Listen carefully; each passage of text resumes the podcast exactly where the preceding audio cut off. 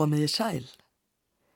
Við skulum byrja þennan þátt með því að líti í skálsögu sem kom út árið 1815 undir heitinu Die Elixire der Teufels eða Kynjalif Kölska.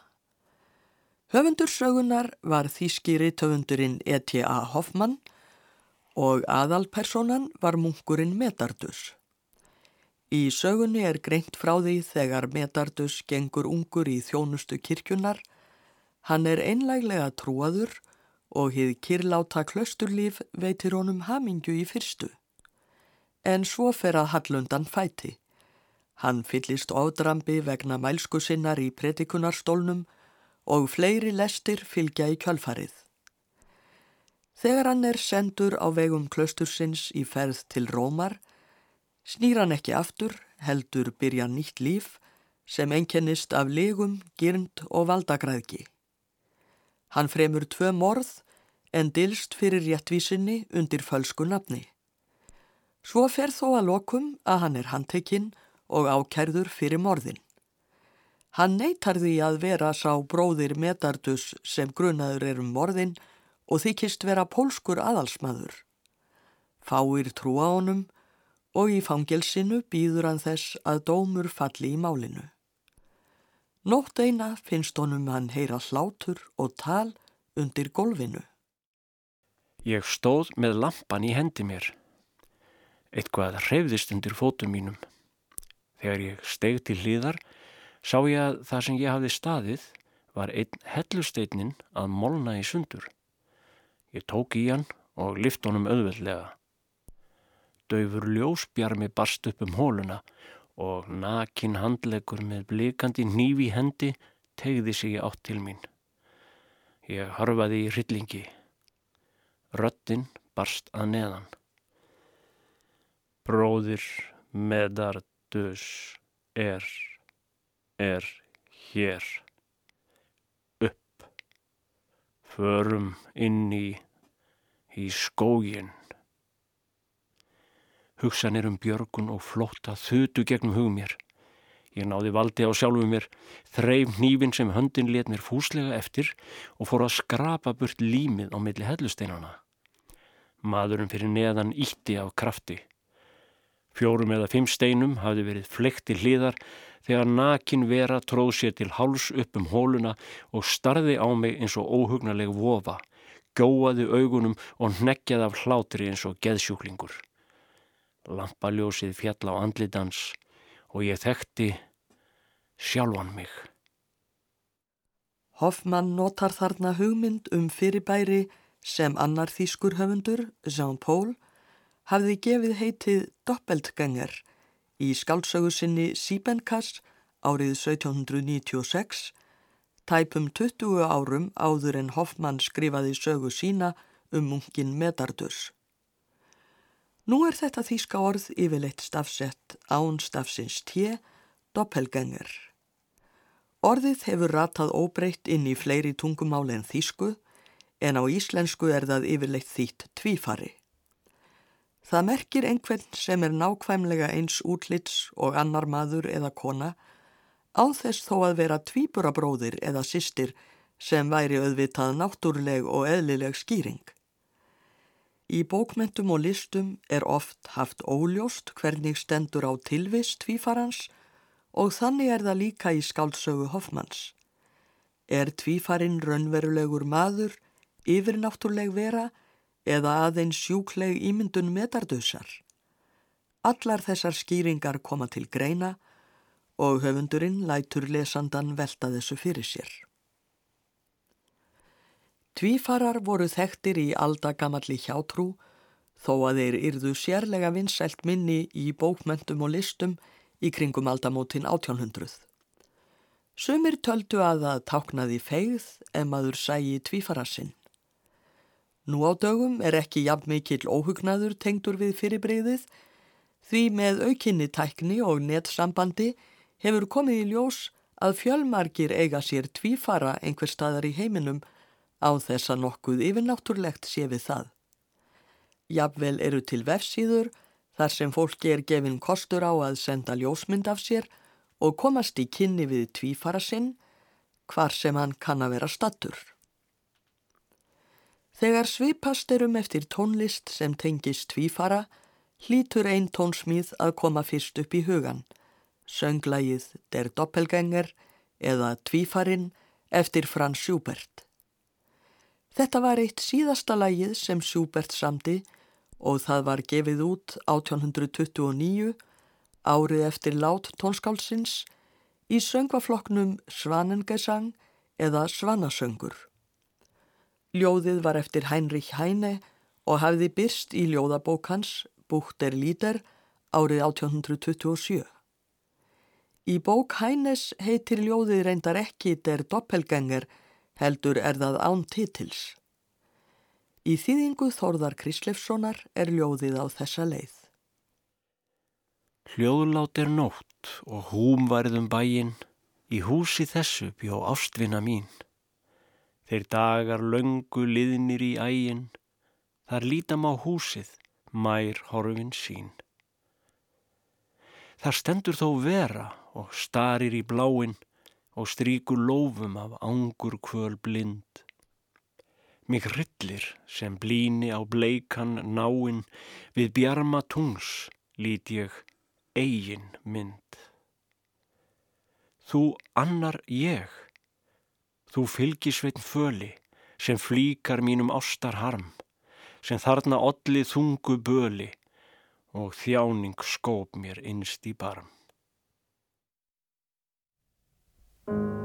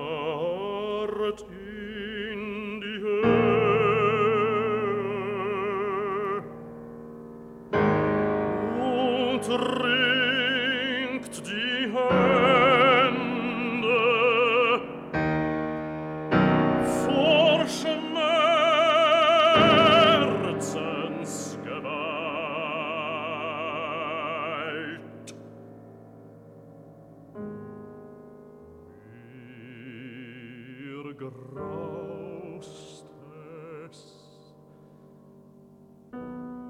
wenn ich sein Antlitz sehe,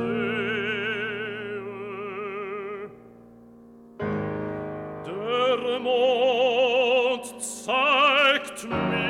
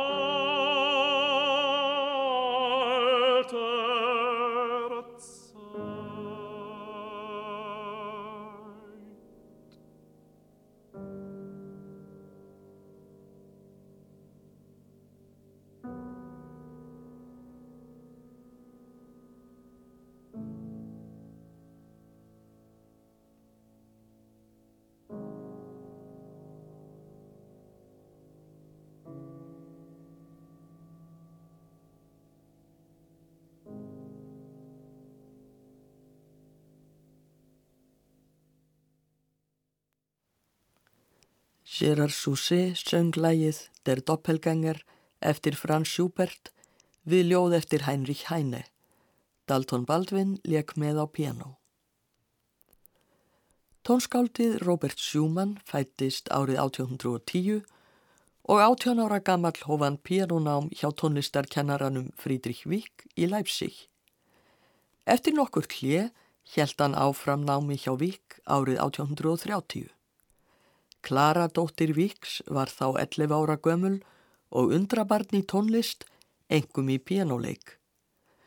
Hún átti síðar eftir að verða eiginkona sjúmanns en á þessum tíma var hún enn lítil stúlka og hinn ungi sjúmann leik við hana og bræðurinnar og sæði þeim ævintýri og draugasögur ekki síst um tvífara. Hann vísar til þessara sagna í brefi sem hann skrifaði klöru 11. janúar 1832 þegar Klara var 12 ára en hún var þá í tónleikaferð í Frankfurt.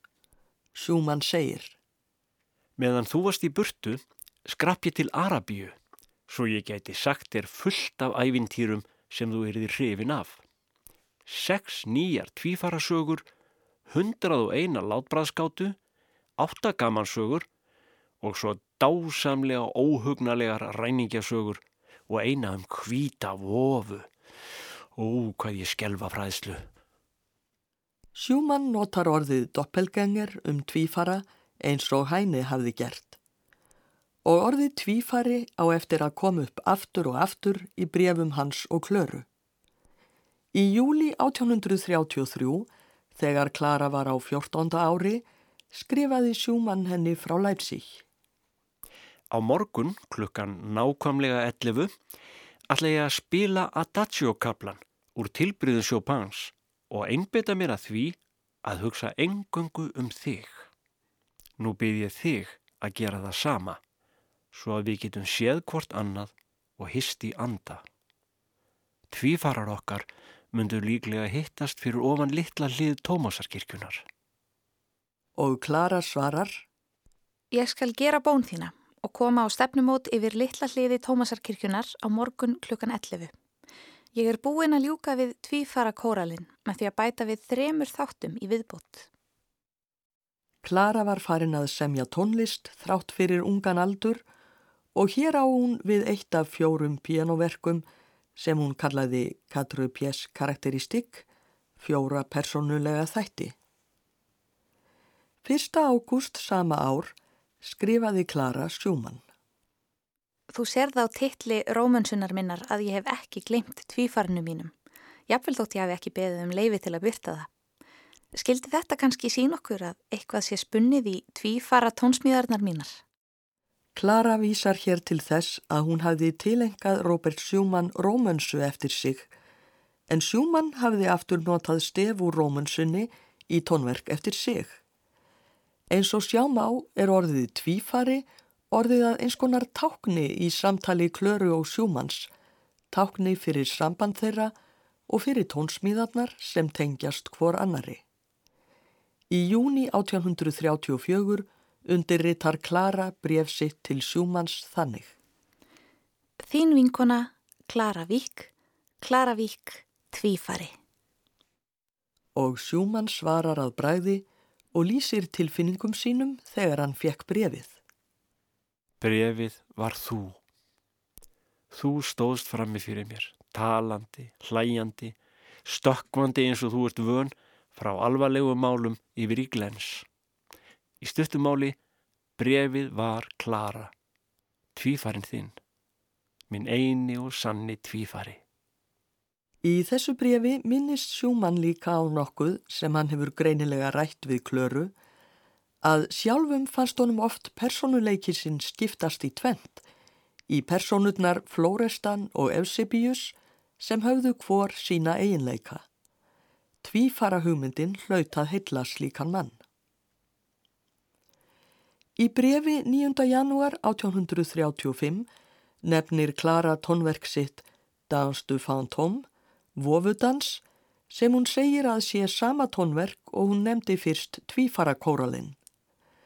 Verkið fekk að lokum heitið Le Ballet de Revenant, afturgönguballettin. Eins og framkemur í brefunum var Klara 13 til 15 ára gömul þegar hún samti verkið á árunum 1833 til 35.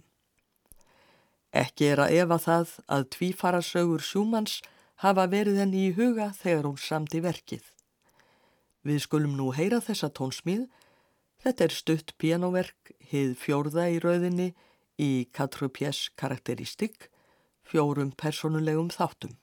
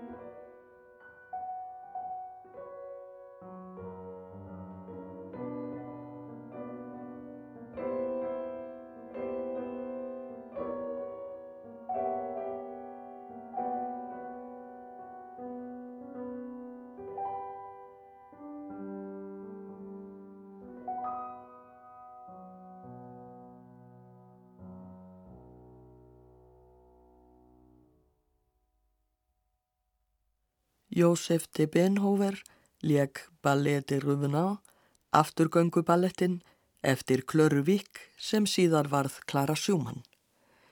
Eins og framkom áðan kallaði Klara verkið upphaflega Tvífarakóralinn og það er hluti af fjórum personulegum þáttum, Katru Pjess karakteristik eftir Klöru.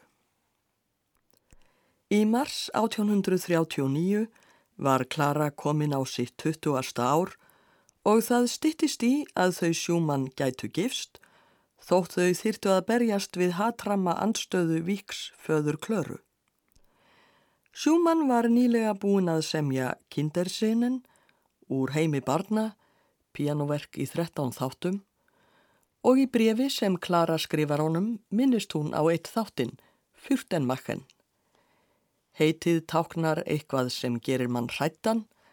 Á íslensku hefur það verið þýtt í gríluleik en þátturinn snýst um óta barnsins við eitthvað sérstakt, kannski hræðilega sögu eða ókvekkjandi ímyndun. Klara skrifar. Fyrstenmakkan var að koma upp í hugan hjá mér. Þú ert svo góður í því. Þú spilaðir aldeilis með mig fyrir nokkrum árum, til dæmis þegar þú sagði mér frá tvífarnum eða þegar þú plataðir mig til að trúa því að þú væri með skambisu á þér og fleira slíkt. Ég get enn hleyða þessu. Þú varst alltaf að stríða mér og ég var nógu vittlaust til að trúa öllu sem þú sagðir.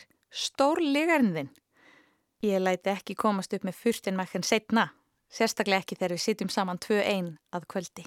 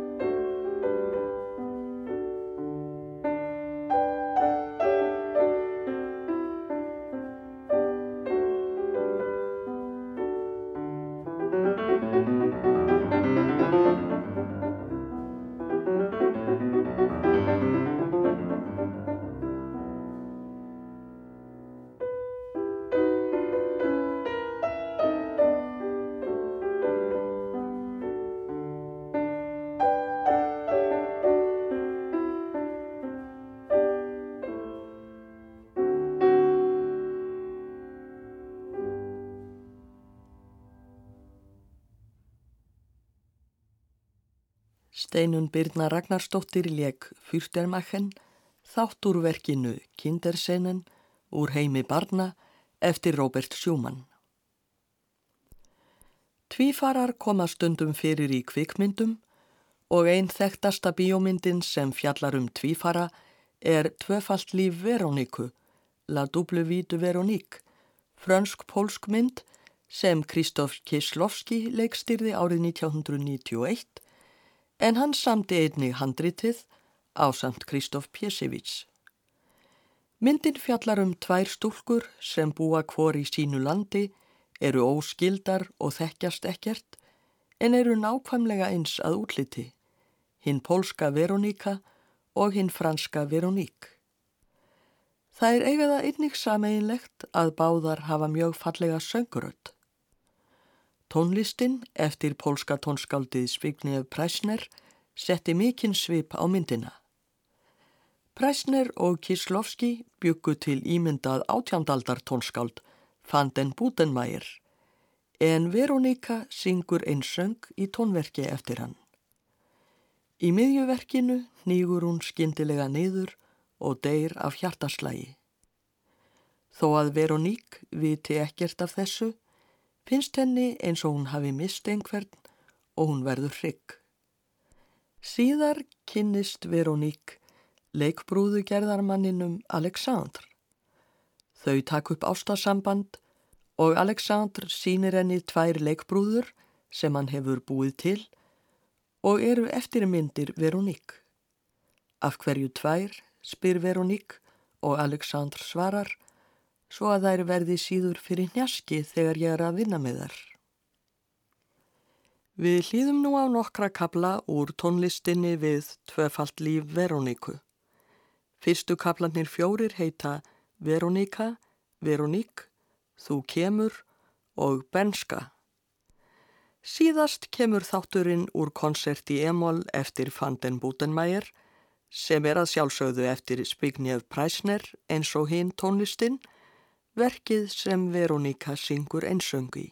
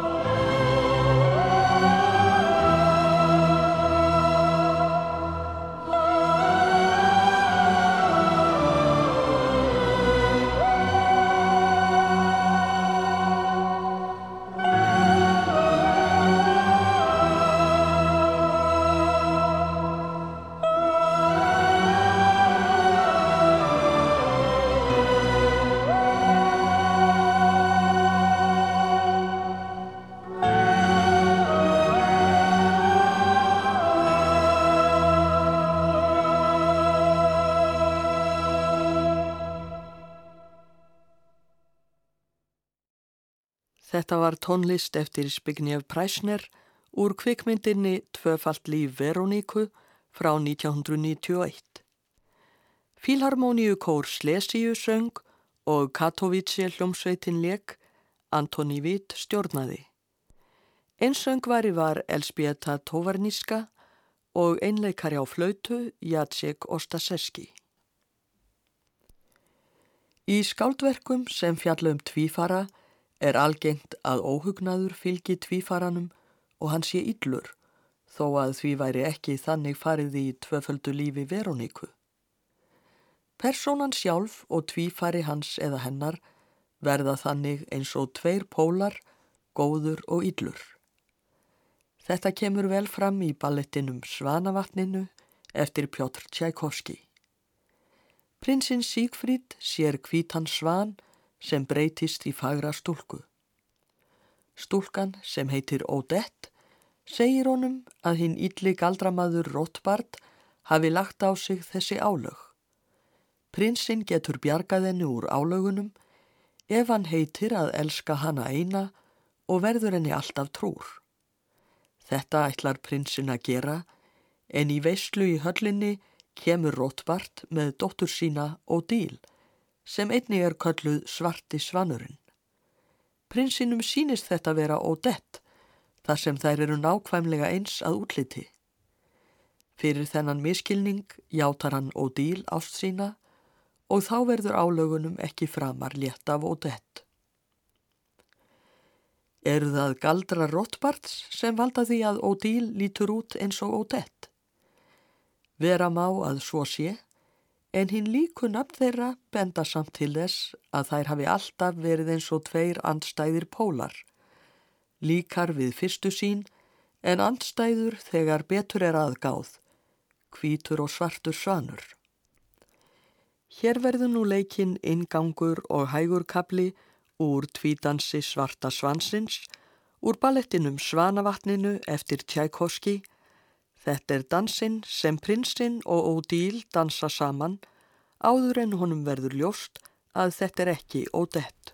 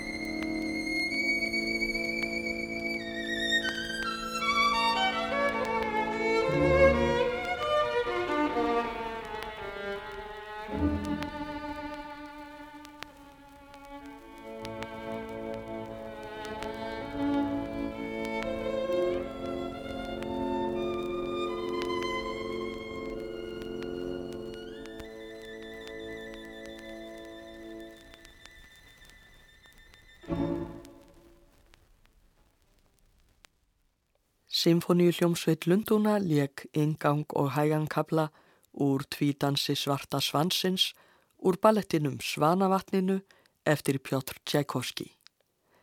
Richard Boning stjórnaði og einleikari á fylgu var Erich Grunberg. Við ljúkum þessum þætti með því að líta aftur á ljóð Hænes um tvífaran sem Schubert samti hið fræga lagsitt við. Fyrir þættinum var lesin þýðing Þórðar Krislefssonar á ljóðinu. Haldur Lagsnes þýtti ljóði líka. Hann var rúmlega tvítugur að aldri þegar hann gerði þýðinguna árið 1923 og feldi hana inn í skáldsögu sína við var hann mikla frá Kasmír. Síðar gerði hann breytingar á þýðingunni og í skýringum við fymtu útgáfu ljóðabókarinnar Kvæðakvers árið 1992 segist Lagsnes hafa breytt þýðingunni í þeim tilgangi að fellaðana sem nákvæmast að lægi Sjúberts. Nóttin er hljóð og borgin í blundi, hér bjóun forðum, unnusta mín. Við hyggjum ei á endur fundi, á einmanna húsið tunglið skín. Hver stendur þar einn og starir til hæða í nýstingsangis með nábleika kinn? Skal sárum manni benin blæða? Þar brosir tunglið á samgengil minn. Og ástriðu mína ég uppvakta skoða, í eftir hermu látum hans, ég sé minn liðna sálar voða, í svipins fölva nætur manns. Við þessa þýðingu Haldur Slagsnes af ljóði Hænes hefur Hörður Torfason sami lag. Það verður síðasta lagið í þessum þætti. Hörður Torfason syngur lagsitt Tvífarinn í útsetningu eftir Vilhjálm Há Guðjónsson. Ég þakka hlustendum samfildina, verði sæl.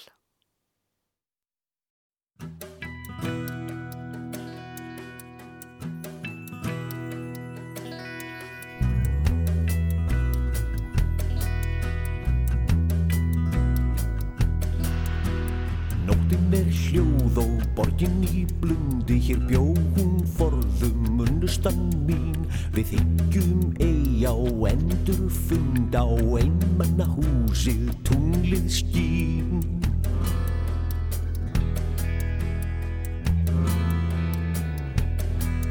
Hver stendur þar einn og starir til hæða í nýstings ángist með nábleika kyn. Skal sárum manni benin blæða þar brosir tunglið á samgengil minn.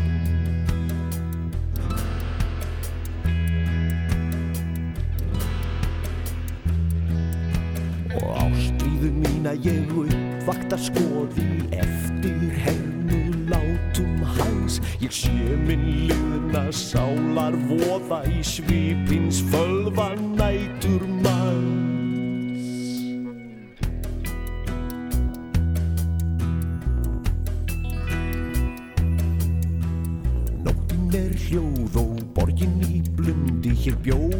forðum unnustan mín. Við hyggjum ei á endur fund á einmanna húsið tunglið skín.